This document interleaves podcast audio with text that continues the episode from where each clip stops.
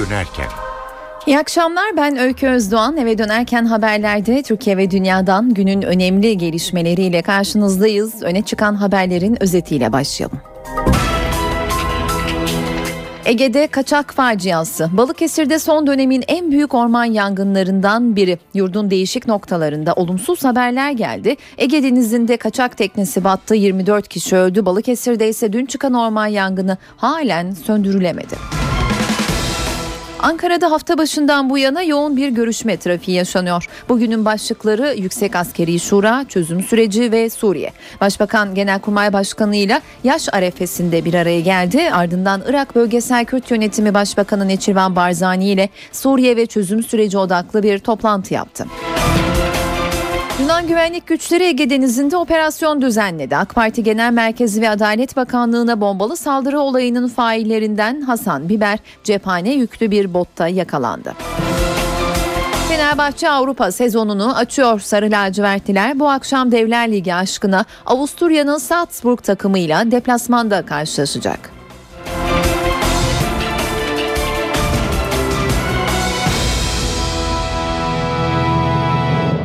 Umuda yolculuğun sonu yine facia ile bitti. Ege Denizi'nde uluslararası sularda kaçakları taşıyan sürat teknesinin batması sonucu 24 kişi hayatını kaybetti. Facia Çanakkale'nin Ezine ilçesinin yaklaşık 10 mil açığında gerçekleşti.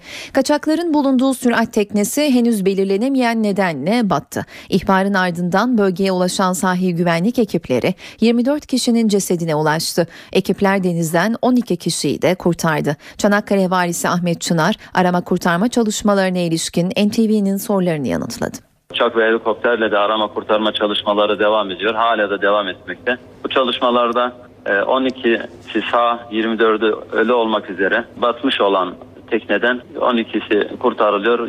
24'ü öyle olmak üzere karaya çıkarılıyor. Hali hazırda da arama kurtarma çalışmaları devam ediyor. Ee, ancak şöyle bir e, durum var. Türkçe bilen kimse olmadığı için e, kurtarılanlar arasında tercümanlar aracılığıyla daha sonra iletişim kuruldu.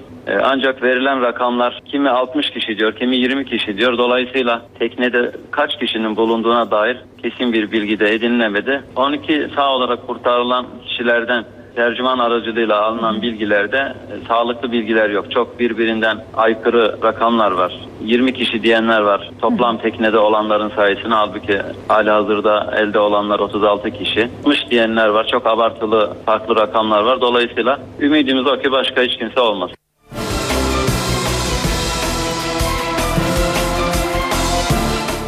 Balıkesir'in Kes, Kepsut ilçesinde dün öğleden sonra başlayan yangın 20 saatte kontrol altına alındıktan sonra rüzgarın etkisiyle yeniden başladı. Yangın yerleşim yerlerini tehdit ediyor. 5 köy boşaltıldı, çok sayıda evde yandı. Yangının şu ana kadar 1000 hektar alanı etkilediği belirtiliyor. Söndürme çalışmalarına uçak ve helikopterlerle de destek veriliyor. Az sonra olay mahalline gidip canlı bağlantıyla olan biteni alacağız ama önce bölgeye ilişkin son hava tahminlerini aktaralım. Hatta NTV Meteoroloji Editörü Gökhan Abur var. Gökhan Bey iyi akşamlar. İyi akşamlar. Bölgedeki son hava durumunu sizden öğrenebilir miyiz? Evet maalesef e, öğle saatlerinde rüzgarın kuvvetleneceğini ve e, yaygının e, yangının kontrolden çıkabileceğini vurgulamaya çalışmıştık. Hı. Öyle oldu. Gece saatlerinde rüzgar biraz zayıflıyor. Özellikle gece yarısından sonra hızını azaltacak ama yine de yer yer 10 kilometrenin üzerine çıkacak bir rüzgar var. Bu çok kuvvetli bir rüzgar değil e, sabah saatlerinde yeniden kuvvetlenmeye başlayacak. Özellikle sabah kuvvetlenecek rüzgarın öğlene doğru tıpkı bugün olduğu gibi hızını yer yer 35 kilometreler civarına çıkartmasını bekliyoruz ki rüzgar kuzeyden esiyor. Yani yıldız yıldız Poyraz dediğimiz kuzey kuzey doğudan esecek ve doğu, e, kuzey doğuya doğru dönmeye devam edecek. O bakımdan e, bugün bu akşam saatlerinde ve en geç yarın sabaha kadar yangının mutlaka kontrol altına alınması gerekiyor. Çünkü hı hı Rüzgarın en fazla zayıf olduğu anlar gece yarısından sonra sabah erken saatlere kadar olan süre. Ee, yağış var mı? Yağış e, önemli bir yağış gözükmüyor. Öncelikle belirtmek istiyorum. Normalde e, öğle saatlerindeki son bulgularda bölgede kısa süreli sağanak yağmur geçişleri olasılığı oldukça yüksekti. Ama şu anda bölgede çok kısa süreli yağış olasılığı var. Bir hafif bir yağış olasılığı var. Bu da sabah saatlerinde görülebilecek türden bir yağış. Çok etkili gibi gözükmüyor ama rüzgarın tekrar kuvvetleneceğini tekrar hatırlatmak istiyorum. Ee, orada çalışanlara kolay gelsin diyorum. Hakikaten işleri oldukça zor. Teşekkürler Gökhan Abur. NTV Ben teşekkür ediyorum. muhabiri çok teşekkürler. NTV e, meteoroloji e, editörü Gökhan Abur Balıkesir'deki son hava tahminlerini ve son hava durumunu aktardı.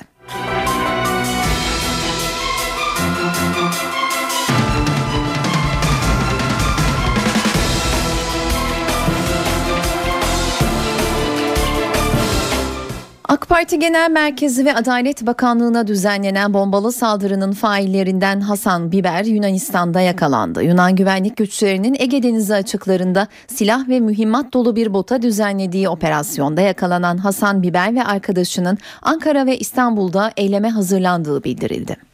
Sakız Adası'nda dün bir botta Türkiye'ye gelmek üzere hazırlanan 4 kişi yakalanmıştır. Adalet Bakanlığı'na atılan bombanın faili olduğu açıkça tespit edilen Hasan Biber isimli DHKPC terör örgütü mensubu şahıs bu yakalanan 4 kişinin içindedir. Yunanistan sahil güvenlik ekibi Sakız Adası'nda Türkiye'ye giden botu durdurdu. Silah ve mühimmat yüklü botla birlikte yakalanan zanlılardan biri AK Parti ve Adalet Bakanlığı binalarına 19 Mart tarihindeki saldırıların faillerinden Hasan Biber çıktı. Bunun yanında yine aynı örgütün bir militanı da yakalanmıştır. Yanlarında Fransız ve Bulgar e, kimliklerini taşıyan ama muhtemelen Türk oldukları tahmin edilen iki kişi daha vardır. Aynı olayla bağlantılı olarak Yunan polisi Atina'da bir operasyon daha gerçekleştirdi. İki kişi daha gözaltına alındı. Maalesef bu botun içerisinde çok sayıda silah, suikast hazırlıklarını e, ifade eden mermiler, lav silahları, roket atarlar tespit edildi. Bunlar zaten bizim daha öncesinde adı geçen şahsın Türkiye'de yeni bir eylem hazırlığında olduğuna dair duyumlarımız da vardı, istihbaratımız da vardı. Uluslararası alanda terörle e, mücadelede terör örgütü mensuplarının yakalanmasında Türkiye karşılıklı işbirliğine çok büyük önem veriyor. Botta iki tank savar, dört el bombası, iki tabanca, mermiler ve el yapımı bomba bulundu. Hasan Biber'le yakalanan diğer Türk vatandaşının Ankara ve İstanbul'da silahlı eyleme hazırlandıkları belirtiliyor. Operasyon kapsamında ayrıca Sakız Adası'nda bir ev basıldı ve iki kişi gözaltına alındı. Atina ve Selanik'teki baskınlarda da 12 gözaltı var. Yunanistan Dışişleri Bakanlığı Türkiye'nin operasyon konusunda bilgilendirildiğini duyururken Ankara'nın Hasan Biber ve diğer şüphelilerin Türkiye'ye teslim edilmesi için girişimde bulunacağı bildirildi.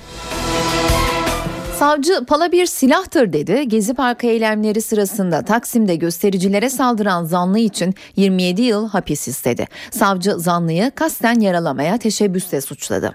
Savcı pala da bir silahtır dedi. Sabri hakkında 27 yıl hapis cezası istedi. 6 Temmuz'da meydana gelen palalı saldırıyla ilgili iddianame hazırlandı. İstanbul Cumhuriyet Savcılığı Gezi Parkı eylemcilerine saldıran Sabri Ç. hakkında 27 yıl hapis cezası istedi. Savcı firari zanlıyı kasten yaralamaya teşebbüsle suçladı. Sabri Ç.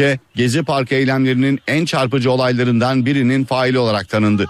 Talimhanede çıkan olaylar sırasında kalabalığa palayla saldırdı, bir kadına tekme attı. Olayın ardından gözaltına alındı. Ancak tutuklama talebiyle sevk edildiği mahkeme tarafından serbest bırakıldı. Mahkeme kaçma şüphesi yok diyerek tutuksuz yargılanmasına hükmetti. Büyük tepki alan karara savcılık 49 saat sonra itiraz etti. Mahkeme 10 Temmuz'da şüpheli hakkında yakalama kararı çıkardı. Ancak Sabriçe aynı gün saat 16.30'da Fas'ın Casablanca kentine gitti henüz Türkiye'ye dönmedi. Hala yurt dışında bulunan Palalı zanlı Sabri Çelebi ise iddianameyi öğrenince sessizliğini bozdu. Çelebi hakkımda 27 yıl istenmiş Adam öldürenler bile 4 yıl yatıp çıkıyor. 50 yıl istense umurumda değil. Çocuğumun rahatsızlığı nedeniyle dönüşüm gecikti. Ramazan bayramından sonra Türkiye'de olacağım diye konuştu. Gezi Parkı eylemlerinde BDP'nin mesafeli yaklaştığı eleştirilerine eş başkan Selahattin Demirtaş'tan cevap geldi. Demirtaş, Gezi direnişiyle değil bu halk hareketini askeri darbeye kadar götürebilir miyiz diyenlerle aramıza mesafe koyduk. Çarpıtılanlara duyurulur dedi. Demirtaş Twitter'dan Ergenekon'dan medet umanlarla askerleri göreve davet edenlerle mesafe koyduk. Gezi direnişi gerçek bir halk direnişi ve özgürlük arayışıdır. Özgürlük için direnen herkesin tam da yanındayız dedi söyledi.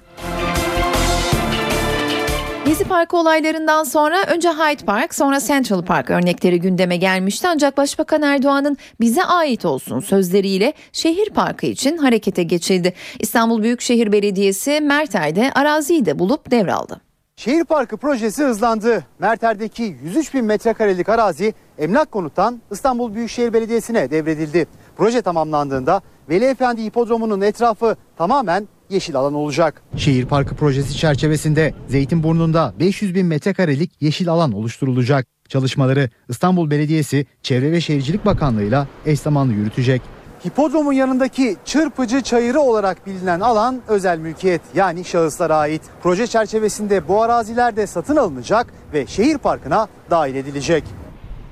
103 bin metrekare için Büyükşehir Belediyesi emlak konuta 196 milyon lira ödedi.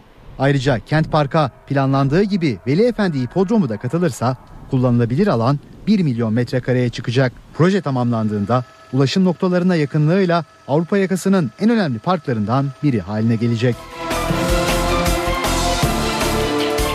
Gezi olayları sırasında sloganlarıyla bir kez daha dikkat çeken çarşı grubu soruşturma sırasında grubun önde gelen isimlerinin gözaltına alınmasıyla da gündeme gelmişti. Beşiktaş taraftarları çarşı grubu yeni sezonda ise siyasete girmeyeceğini söz verecek. İnönü Stadı'nın yıkım kararı nedeniyle Beşiktaş önümüzdeki dönem için Kasımpaşa Recep Tayyip Erdoğan stadında oynayacak. Ve dün satışa sunulan 2013-2014 sezonu kombinelerini almak için kulübe giden Beşiktaş taraftarları farklı bir uygulamayla karşı karşıya kaldı. Kombine kart almak isteyenlere bir taahhütname imzalatılıyor. Taahhütnamenin 5. maddesinde toplumsal, siyasi ve ideolojik olaylara sebebiyet verecek şekilde hareket etmeyeceğimi, bu tür sloganlar atmayacağımı, aksi halde Beşiktaş yönetiminin sezon kartını bedelsiz olarak geri alma ve iptal etme hakkına sahip olduğunu kabul ediyorum yazıyor. Bu madde siyah beyazlı taraftara siyasetin resmen yasaklandığı şeklinde yorumlandı. Uygulamayı NTV Spor Radyo yayın yönetmeni Mehmet Ayhan'la konuşacağız. Mehmet yayınımıza hoş geldin. Merhaba hoş bulduk iyi akşamlar. İyi akşamlar. Beşiktaş Başkanı Fikret Orman Kasımpaşa Recep Tayyip Erdoğan stadında çirkin tezahürat olması halinde anlaşmanın iptal olacağını o durumda da olimpiyat stadında oynanacağını söyledi. Bu bir ilk galiba öyle değil mi? Beşiktaş'ın Kasımpaşa'da gelecek e, sezonunu nasıl görüyorsun? ee, çoğu yönüyle ilk. Hmm, ama bu işin en başlangıcı e, ta Beşiktaş'ın stat seçimi, tercihi zorunlu bırakılması bir parça Fenerbahçe'nin olumlu Galatasaray'ın olumsuz davranması sebepleriyle e, Beşiktaş Kasımpaşa'ya mecbur kaldı. Çünkü Beşiktaş'ta ne yönetici, ne teknik kadro, ne oyuncu hı hı. kim olursa olsun ne de taraftar kesinlikle gitmek istemiyor olimpiyat stadyumuna. Yani Gebze'ye gidelim diyen var, olimpiyat stadına gidelim diyen yok. yok. Dolayısıyla bu bir mecburiyet. Ha, e, 31 Mayıs'ta başlayan gezi olayları olmasaydı biz bunları konuşmuyor olacaktık. Hepimizin çok net bildiği gibi. Ama e, şimdi gelinen nokta Beşiktaş Beşiktaş taraftarın sabah ben kendi yayımda ifade ettim. Beşiktaş taraftarına e, ne deniyor ben tam anlamadım. Yani Beşiktaş taraftarına siyasal protestoda bulunma deniyor. Hakaret etmeksizin dört kişi bir araya gelip tribünlerin içerisinde siyasal protesto yaparsa hiç kimseye küfür etmeden ne yapacaksınız? Hmm. Bunu nasıl ayırt edeceğiz? Yani bunun miktarı, ölçüsü nedir, litresi nedir? Ya da bunun e, gramı nedir, gramajı nedir? Bu bir ilk Öyle ilk, değil mi? ilk olmasına Hı. ilk de nasıl ölçeceğiz bunu? Hı. Yani dört tane e, Beşiktaş taraftar o gün uyduruyorum. Kendileri Kasımpaşa stadyumuna gelirken bir protesto pardon e, bir zorlukla karşılaştılar. Atıyorum hükümetle, atıyorum devletle, atıyorum polisle. Dördü kalktılar dediler ki efendim siz biz beğenmedik hükümet istifa veya sair. Hangi hükümet olursa olsun bugünkü hükümetten söz etmiyorum. E ne yapacağız onu? Peki e, siyaset... Yani bir şey olacak mı bu? Hı hı. Kontrat iplaline gidecek mi Beşiktaş'ın Kasımpaşa arasındaki yahut tamam bu dört adamın diyelim e, feshettiniz kombine sözleşmelerini. E, Beşiktaş'ın kontratıyla. Yani bunun ölçüsü nedir? Çok böyle ölçülebilir bir şey değil bu. Peki sizin tahmininizde nasıl ölçecekler? nasıl uygulanacak bu? Bu Türk futbol tarihinin en ilginç senelerinden biri olacak. Beşiktaş tarihinin uzak ara en ilginç senesi olacak. Hı hı. Çünkü çarşı grubunu hepimiz çok yakından tanıyoruz ki sadece bir futbol takımı taraftar grubu değil yeri ve zaman değil uzun uzun konuşuruz bir gün ama e, geçmişine geleneğine baktığımız zaman protest bir anlayışın ürünü olan bir çarşı grubundan biz aman efendim kombinelerimiz bu şekilde e, konjonktür bunu gerektiriyor deyip susup oturmayı beklemeyeceğiz gibi geliyor bana. Bu sadece tahmindir, öngörüdür. Bir parça futbolun içinde olmakla e, ilgili bir şeydir. Yani e, bu hem kontrat e, fesli hem de kombine kartların iptal sözleşmesi şey yapacak. E, can sıkıcı bir hal alacak bizim e, önümüzdeki dönem futbol konuşmalarımızın içerisinde can sıkıcı bir paragraf daha açacak. Hı hı. Bana göre. Peki e, kombine satışı e, bundan etkilenir mi ya da nasıl etkilenir etkilenirse? Ben e, bundan azade olarak çok bağımsız e, olarak şey düşünüyorum. Çok az. Yani Beşiktaş nedendi? Ee, Kasımpaşa'ya sığmaz. 12, 13, 14 kaç tanesi kombine kartı hemen ilk gün bitecek dendi. Yanılmıyorsam ilk gün 4000 şu anda da rakam 5000 sularında. Yani bunlardan bu konjonktürden bağımsız da Beşiktaş taraftarı niye kombineye e, ilgi göstermiyor açıkçası merak içindeyim. Peki e, bu akşamki karşılaşmaya geçelim. E, onunla ilgili de görüşünü alalım istiyorum. Fenerbahçe Şampiyonlar Ligi 3. ön eleme turu için ilk maçında Salzburg'la deplasmanda karşılaşacak. Öngöründe Sarı Lacivertliler avantajlı bir skorla İstanbul'da Zor, mi? zor bir maç çünkü Fenerbahçe'nin e, biz e, PSV Eindhoven dışında ciddi bir sınavını göremedik fakat Avusturya temsilcisinin e, geçen sene şampiyon Avusturya Viyen dahil olmak üzere iki maçta 10 gol attığını, e, iki lig maçına çıktığını ve etkili oyuncular olduğunu gördük. Özellikle e, Campbell isimli oyuncuları son derece etkili bir oyuncu. E, Fenerbahçe'nin takım olarak futbol takımı olarak e, bu birlikteliği, bütünlüğü sağladığını çok sanmıyorum. Hem bunu e, maçlarda göremedik çünkü maç olmadığı için göremedik. E, ama daha ötesinde de e, Fenerbahçe'nin sürekli UEFA kas süreçleriyle ilgili 10 Haziran'dan bu yana zaten hocası çok geç belli oldu. O yüzden Fenerbahçe'nin takım olma yolunda e, her yönüyle e, dezavantajları olduğunu düşünüyorum. Ben bu akşamki maç için çok çok böyle büyük ümitler sergileyen, büyük ümitler besleyen bir insan değilim. Ha tur avantajı konusunda bu akşamdan alınacak atılacak bir golle Fenerbahçe'nin turu geçebileceğini e, Fenerbahçe'nin 3-1 dahi kaybetse 2-1 dahi kaybetse 1-1-2-2 türlü beraberlikler de olsa 0-0 da olsa benim en korktuğum maçlar bu tip şeylerde 1-0'lık sonuçlardır. Fenerbahçe inşallah 1-0 kaybetmez. E, 2-1'de 3-2'de Fenerbahçe turu İstanbul'da rahat atlar. 1-1'de 2-2'de 0-0'da rahat atlar. Kazanırsa zaten atlar. Maçın %100 favorisi Fenerbahçe değil ama bence turun %100 favorisi İstanbul'daki coşkun taraftar grubuyla Fenerbahçe. Peki Mehmet Ayhan teşekkürler. Ben teşekkür Stüdyomuza konuk oldunuz. NTV Spor Radyo yayın yönetmeni Mehmet Ayhan e, stüdyomuzda konuktu. Bu akşamki maçla ilgili değerlendirmelerini paylaştı ve Beşiktaş taraftarına imzalatılacak taahhütname ile ilgili görüşlerini aktardı. E, bir reklam arasına gideceğiz ama öncesinde bir son dakika haberini paylaşalım. Kamu personeli seçme sınavı sonuçları açıklandı. Adaylar Ölçme Seçme ve Yerleştirme Merkezi'nin internet sitesinden sonuca ulaşabilecekler. Saat 18.23 ben Öykü Özdoğan eve dönerken de günün öne çıkan gelişmelerini aktarmayı sürdürüyoruz. Türkiye'nin ciğerleri yanıyor. Dün Balıkesir'in Kepsut ilçesinde başlayan yangın 24 saattir söndürülemedi. Alevler bu sabah biraz kontrol altına alınsa da rüzgarın etkisiyle yeniden yükseldi. Ayrıntıları NTV Ege temsilcisi Merih Ak'tan alacağız. Merih son durumu öğrenebilir miyiz öncelikle? Öykü yangın devam ediyor. Yani e, saat 11'de NTV'ye Balıkesir Valisi'ni e, konuk olarak almıştık. Yangının kontrol altına alındığını söylemişti. Bin hektarın üzerinde bir alanın zarar gördüğünü bildirmişti. O saatten itibaren meteorolojinin tüm e, uyarıları vardı. Öğleden sonra e, öğle saatlerinde fırtına rüzgar çıkacağı yönünde. İşte o rüzgarın çıkmasıyla birlikte özellikle e, yangın alanı içerisinde kalan bölgelerin e, bazılarında yangın yeniden alevlendi. Bu arada oradan çıkan yangınlarda 3 tane önemli yerde yangına neden oldu ki bu, e, bu yangınlar hala devam ediyor ve gerçekten çok büyük bir alana yayılmış durumda. E, e, yangının kontrol altına alındığının açıklanmasının ardından ki burada gün boyu 7 helikopter 4 uçak görev yapıyordu. Kontrol altına alınmasının ardından Balıkesir'de konuştuğu 3 helikopter ve 1 uçak e, kaldı. Diğerleri geldikleri merkezlere ihtiyaç olmadığı gerekçesiyle geri gönderildi. E, ve yangın e, tekrar patladığında tekrar alev aldığında işte bu sadece 3 helikopter bir uçak müdahale etti. Yangının asıl büyüme nedeninin bu olduğu öne sürüyor ve bununla ilgili e, daha geniş bilgiler ilerleyen günlerde daha net bir şekilde elimize uçacak. Ama şu var, şu bir gerçek. E, tüm Türkiye'de şu anda e, yangın riski bulunmayan bütün merkezlerden e, hava unsurları bölgeye istenmiş durumda. Peki Merih yangın büyük bir alanı etkisi altına aldın, aldı dedin. Alevlerden kaç hektar alan etkilenmiştir? Yerleşim yerleri de tehdit altında mı? Valiye bunu da sormuştuk. Ee, Zaten sabah ilk yaptığımız yayınlarda Orman Bölge Müdürlüğü'nden bazı kişilerle görüştüğümüzde bin, bin hektarın üzerinde olabileceğini bilmiştik ki bu rakam 2013'ün şu ana kadar ki e, en büyük e, yangını oluyordu. Vali de ya- yayını aldığımızda bin hektarın üzerinde olduğunu ısrarla vurguladı. Bu arada Orman Genel Müdürlüğü de bir açıklama yaptı. 500 hektarlık bir alanın zarar gördüğünü bildirdi. Bunu hemen şurada açıklayalım Orman Genel Müdürlüğü neden 500 hektar diyor.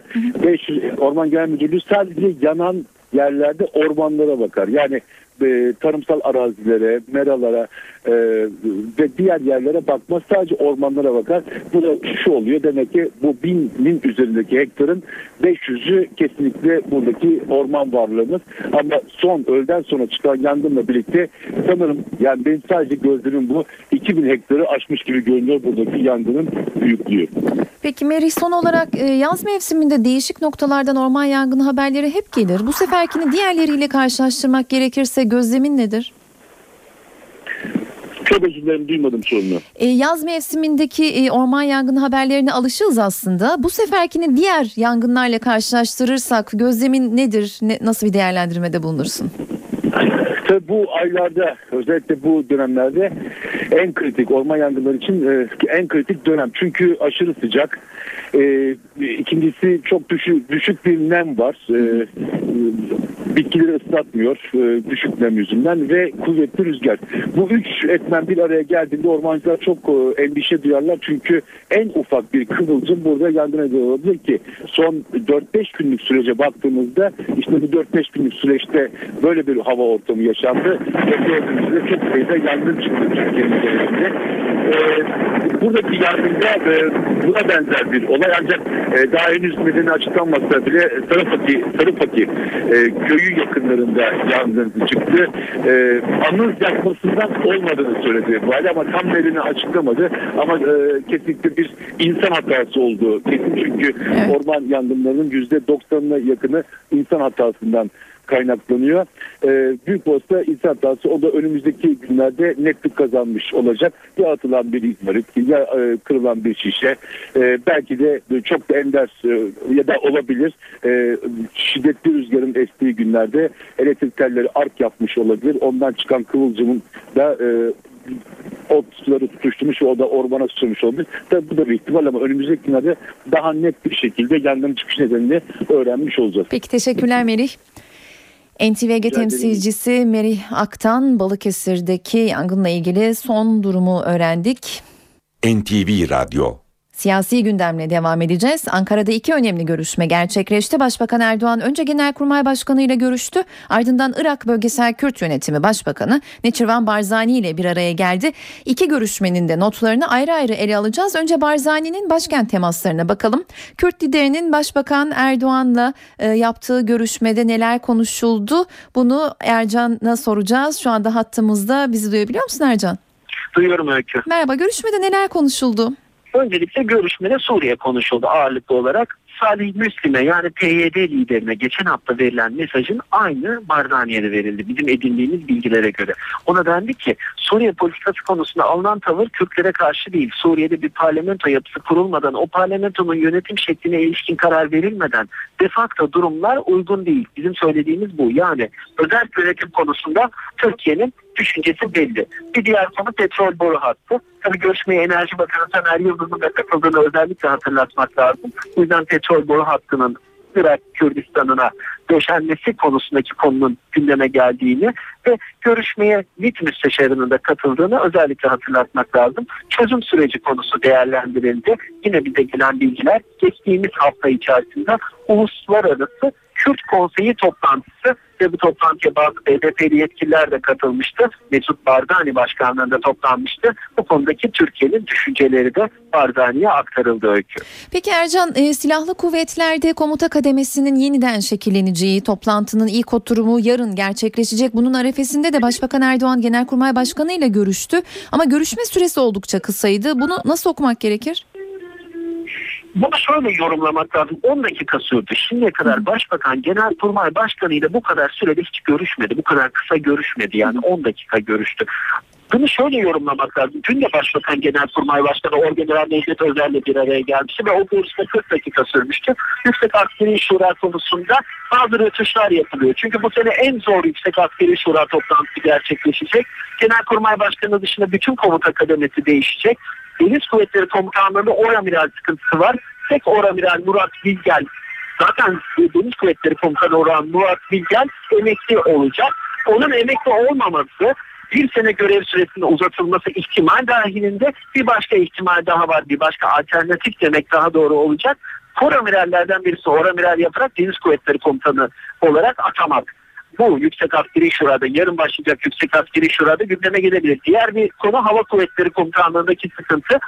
Hava Kuvvetleri Komutanlığı'nda da 3 generalin bir anlamda istifa ettiği yönündeki haberler bu konudaki alınacak tavrı belirleyecek. İlk kez bir Yüksek Askeri Şura 3 general olmadan toplanacak. O 3 general tutuklu bulunuyor. Tutuklu generaller e, konusundaki sorun Yüksek Askeri Şura'daki yeni yönetim yapısının nasıl şekilleneceğini de ortaya koyacak. Tabii Genelkurmay Başkanı 2015'e kadar aynı Necdet Özel. Genelkurmay Başkanı dışında Jandarma Genel Komutanlığı'na Bekir Kalyoncu atanacak. Jandarma Genel Komutanı Bekir Kalyoncu Kara Kuvvetleri Komutanlığı'na atanacak düzeltiyorum. Kara Kuvvetleri Komutanlığı'nda 2015'te Bekir Kalyoncu'nun bu gidişatla birlikte Genelkurmay Başkanı olması söz konusu. Yani Başbakanla Genelkurmay Başkanı'nın kısa kısa görüşmelerinde bu değerlendirmelerin yapıldığı Yüksek Askeri Şura Akademisi'nde son şeklinin verildiği bu akşam iftarda da onların görüşecek olmasının dikkatle takip edilmesi gereken Ankara'daki bir durum olduğunu hatırlatmak lazım Öykü. Teşekkürler Ercan.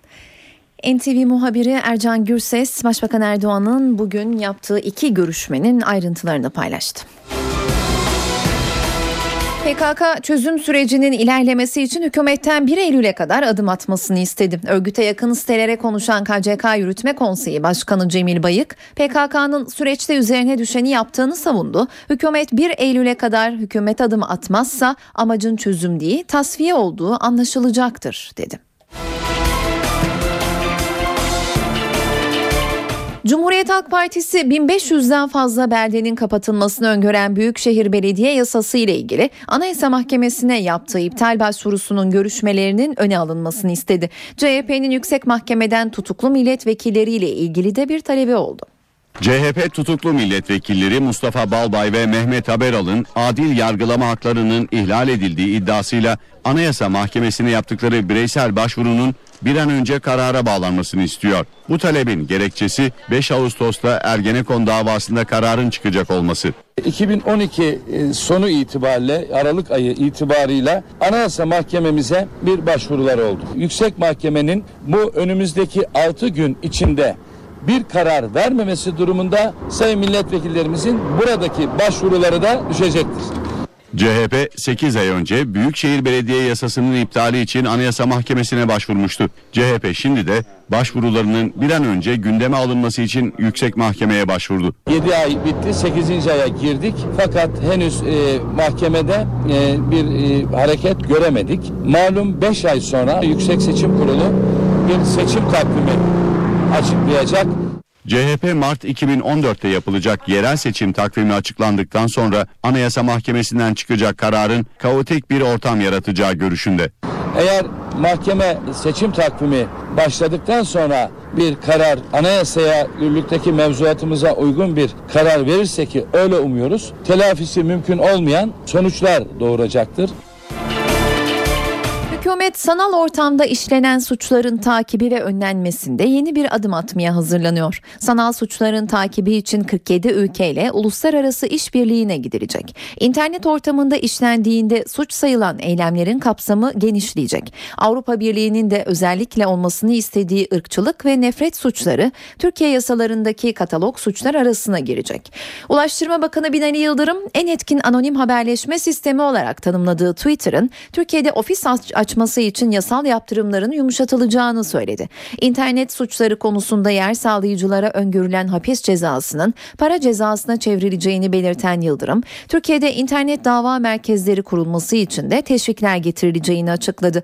Meclis açıldığında onaylanması öngörülen uluslararası sözleşme ile sanal suçların takibinde aralarında Amerika Birleşik Devletleri, Rusya ve Japonya'nın da bulunduğu 47 ülkeyle adli yardım işbirliğine gidilecek. Irkçılık ve nefret suçu çocuk pornosu, Atatürk'e hakaret ve cinsel istismar gibi başlıklar katalog suçlar arasına girecek. İçerik kaldırma ve site kapatma konusunda yenilikler yapılacak. Sosyal medya sitelerinde açılan sahte hesaplar için de kapatma formülü gündeme gelebilecek. Bu hesaplar mahkeme kararıyla internet siteleri gibi erişime engellenebilecek. Hakim ve savcıların artık yardımcıları olacak. Adalet Bakanlığı'nın üzerinde çalıştığı taslağa göre istihdam edilecek adli hizmet uzmanları hakim ve savcılara yardımcı olacak. Ancak bu kişiler yüksek mahkemelerde görevlendirilmeyecek. Hakim ve savcı yardımcıları soruşturma evrakıyla dava dosyalarına ilişkin araştırma ve inceleme yapacak. Gerektiğinde rapor sunacak. Ayrıca kararlara ilişkin yazışmaları hakim adına yapacak. Ancak hakim veya savcı tarafından yapılması gereken işleri yapamayacak. NTV Radyo Mısır'da azledilen Cumhurbaşkanı Muhammed Mursi'ye destek gösterileri sürüyor. Başkent Kahire'de Adeviye Meydanı merkez nokta. Protestocular ordu karşıtı sloganlar atıyor. Mısır'ın başkenti Kahire'de darbeyle koltuğunu kaybeden devrik Cumhurbaşkanı Muhammed Mursi'ye yine destek gösterisi vardı. Binlerce kişi bir araya geldi. Ellerinde Mısır bayrakları ve Mursi posterleri taşıyan göstericiler İslam devleti istiyoruz. Polisler kardeşlerimizi öldürdü şeklinde sloganlar attı. Kalabalıktan bir grupsa askeri istihbarat servisine doğru yürüyüşe geçti. Protestocular ordu karşıtı sloganlar attı. Tutuklamalarla karşı karşıyayız. Özgürlüğümüz yok. Ordu bazı televizyon kanalları ve gazeteleri kapadı. Hiç kimse düşüncelerini açıklayamıyor. Gösterilere öncülük eden Müslüman kardeşler ülkedeki geçici yönetimle birlikte çalışmayı kabul etmiyor. Şu ana kadar müzakereler için herhangi bir davetiye almadık. Öte yandan teröristler ve suçlular olarak telendiriliyoruz. Müslüman kardeşler Mursi'nin yeniden Cumhurbaşkanlığı koltuğuna oturmasını istiyor. Bu arada Avrupa Birliği'nin ardından Amerika'da Mısır konusunda harekete geçiyor. Başkan Barack Obama iki kademeli senatörü Kahire'ye yolluyor. Amerikalı senatörler John McCain ve Lindsey Graham Mısır'da askeri yetkililerle görüşecek. Senatörlerin askeri yönetimi bir an önce demokratik seçime gidilmesi konusunda baskı yapması bekleniyor. Mısır'dan Suriye'ye uzanalım. Ülkede insani dram her geçen gün derinleşiyor. Son uyarı Uluslararası Suriye Soruşturma Komisyonu Başkanı Paula Pinherio'dan geldi. Pinherio taraflara silah sağlayan ülkelerin savaşı uzattığını söyledi.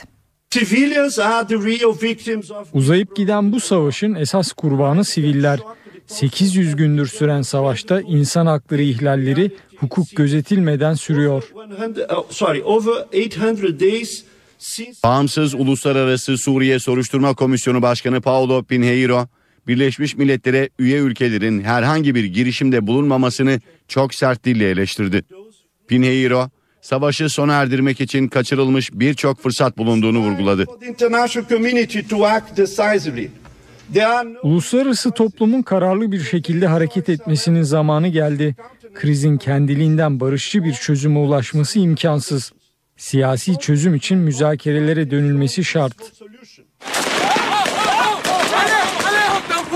Paulo Pinheiro, savaşan iki tarafa silah yollayan ülkeleri de sert dille eleştirdi. Taraflara silah sağlayanlar savaşın uzayıp gitmesine yol açıyor. Savaş uzadıkça tüm bölgeyi içine çekecek bir krizin ortaya çıkma riski de artıyor.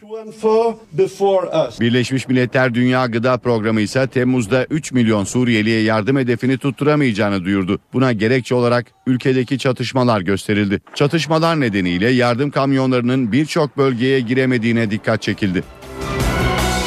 Normalden iki kat hızlı giderken yaptığı kazayla 79 kişinin ölümüne neden olmakla suçlanan İspanyol makinist tutuklanabilir. Mahkemenin adli kontrol şartıyla serbest bıraktığı makinistin tren kazası sırasında telefonda konuştuğu ortaya çıktı. İspanya'da 24 Temmuz'da 79 kişinin yaşamını yitirdiği tren kazasına makinistin dikkatsizliğinin yol açmış olabileceği belirtiliyor.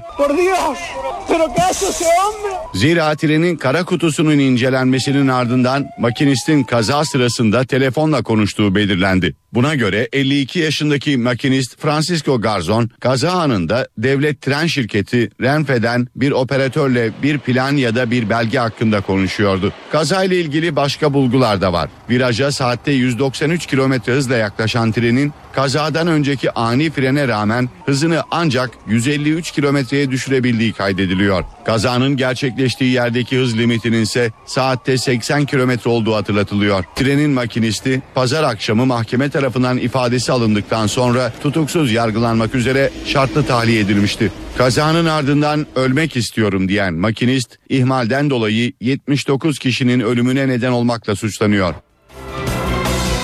Bilim insanları bir diyabet ilacının farelerin yaşam süresini uzattığını belirledi. Henüz çalışmanın insanlar üzerinde nasıl bir etki yaratacağı bilinmiyor. Uzmanlar sonucun umut verici olduğunu ancak insanlar üzerindeki etkilerinin klinik çalışmalarla denenmesi gerektiğini bildirdi. Amerika'da yapılan bir araştırmada bir diyabet ilacının farelerin yaşam süresini uzattığı keşfedildi. Deneyler metformin adlı ilacın yaşlanma karşıtı etkileriyle erkek farelerin yaşam süresini uzattığını gösteriyor. Söz konusu ilaç özellikle tip 2 diyabeti tedavisinde kullanılıyor. Bilim insanları belirtilen diyabet ilacının aşırı kaloriyi kısıtlayıcı etki yarattığına inanıyor. Henüz çalışmanın insanlar üzerinde nasıl bir etki yaratacağı bilinmiyor.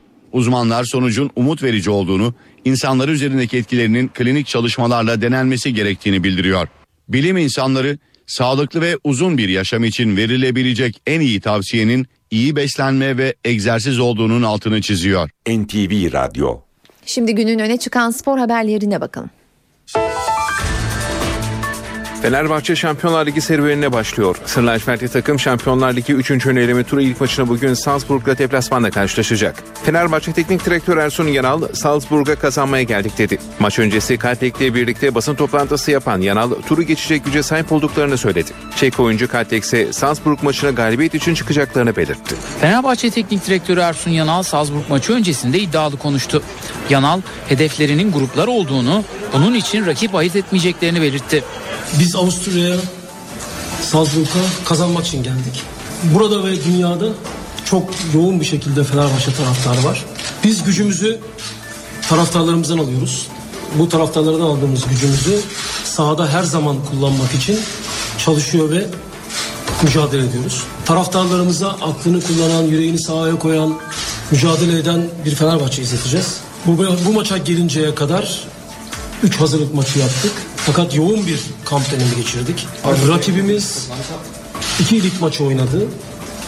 Unser Gegner hat zwei Punktspiele schon absolviert. Ama biz sahaya çıkıp rakibimizi yenebilecek güçte bir takımız. Fenerbahçe her oynadığı maçta daha iyisini oynayacak.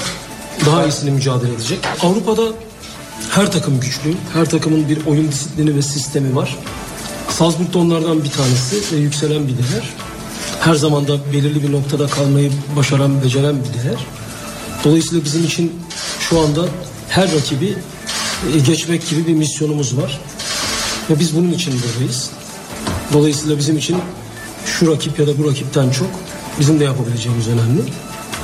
Biz buraya turu geçmek için geldik. Geçen yıl Avrupa Ligi'nde gösterilen performansı Şampiyonlar Ligi'nde devam ettirmek istediklerini ifade eden Yanal, Cardozo mu, Emenike mi sorusuna da yanıt verdi. Şimdi gündemde olan iki tane oyuncu var biliyorsunuz. İkisi de kendi özellikleri olan iyi oyuncular. Başkanımızla yapmış olduğumuz diyalog neticesinde de hem Fenerbahçe Divan Kurulu'nda açıklandığı gibi Fenerbahçe'nin çıkarları ve menfaatleri doğrultusunda iki oyuncudan bir tanesi görüşmeler devam ediyor. Teknik direktör Ersun Yanal'la basın toplantısına katılan Mihail Katlets Avusturya'ya turu geçmeye geldiklerini söyledi. Stresli bir zaman geçirdik ama şu an Avrupa kupalarında olduğumuz için mutluyuz. Salzburg karşısında tüm varlığımızı ortaya koyacağız. Rakibimizi iyi analiz ettik. Son iki maçı 5-1 kazandılar. Ancak buraya kazanmak için geldik. Rakibe saygı duyuyoruz. Buradan turu geçecek sonuçla dönmek istiyoruz. Beşiktaş Atiba Hutchinson transferi mutlu sonla noktaladı. Siyah beyazlar Kanadalı oyuncuyla 2 yıllık sözleşme imzaladığını borsaya bindirdi. Hutchinson 2010'dan bu yana PSV Eindhoven'da forma giyiyordu. 30 yaşındaki savunmaya dönük orta saha oyuncusu Hollanda temsilcisinde 80 maçta 4 gol imza attı. Liglerin başlamasına kısa bir süre kala İçişleri Bakanlığı ile Gençlik ve Spor Bakanlığı Ankara'da ortaklaşa spor müsabakalarının güvenliği çalıştayı düzenledi. Çalıştay öncesinde konuşan Gençlik ve Spor Bakanı Suat Kılıç, kulüp başkanları ve yöneticilerine seslendi. Özellikle derbi maçlardan önce herkesin üslubuna dikkat etmesi gerektiğine dikkat çeken Bakan Kılıç, deplasman yasaklarına karşı olduklarını bir kez daha vurguladı. Kulüp başkanları ve yöneticileri tansiyonu düşürecek açıklamalar yaptıkları takdirde Türkiye'de bir tek saha olayının yaşanacağına ben ihtimal vermiyorum. Kulüp başkanları ve yöneticiler özellikle derbi müsabakalar öncesinde tansiyonu düşürecek, gerilimi azaltacak açıklamalar yaptığı takdirde futbol taraftarı bu açıklamaların gereğini yerine getirecektir. Kardeşlik bağlarına vurgular yaptıkları takdirde bırakın tansiyonun inmesi, tansiyonun yükselmesi gibi bir risk söz konusu bir kere olmayacaktır. O nedenle 6222 sayılı kanun sadece bakanlığa, federasyona, medyaya ve taraftar derneklerine sorumluluklar getirmiyor. Bu kanun aynı zamanda futbol kulüplerinin başkanlarına, yöneticilerine de önemli sorumluluklar getiriyor. Onların da bu sorumlulukların gereğini yerine getirmek gibi bir ödevleri var, bir görevleri var. Deplasman yasakları ile ilgili konuyu da biz kendileriyle paylaştık. Kamuoyu şunu bilmeli. Deplasman yasaklarının arkasında Gençlik ve Spor Bakanlığı yok. Deplasman yasaklarının arkasında İçişleri Bakanlığı yok. Deplasman yasakları sadece ilgili kulüplerin kendi aralarında almış oldukları kararlardan ibaret. Ve bize göre deplasman yasakları yanlış bir uygulama uygulamadır. Taraftar birbirine yabancılaştırılmaktadır. Bugün aynı kentin stadyumlarında maç izlemeye gidemeyen taraftarların yarın aynı kentin caddelerinde, sokaklarında bir araya gelemeyeceği bir Türkiye arzulanmaktadır. Deplasman yasaklarından bu sezon vazgeçilmelidir. Kulüp yöneticileri gereken önlemleri almalıdır. Akşamki eve dönerken programını noktalıyoruz. Yarın akşam saat 18'de yeniden karşınızda olacağız. Şimdilik hoşçakalın.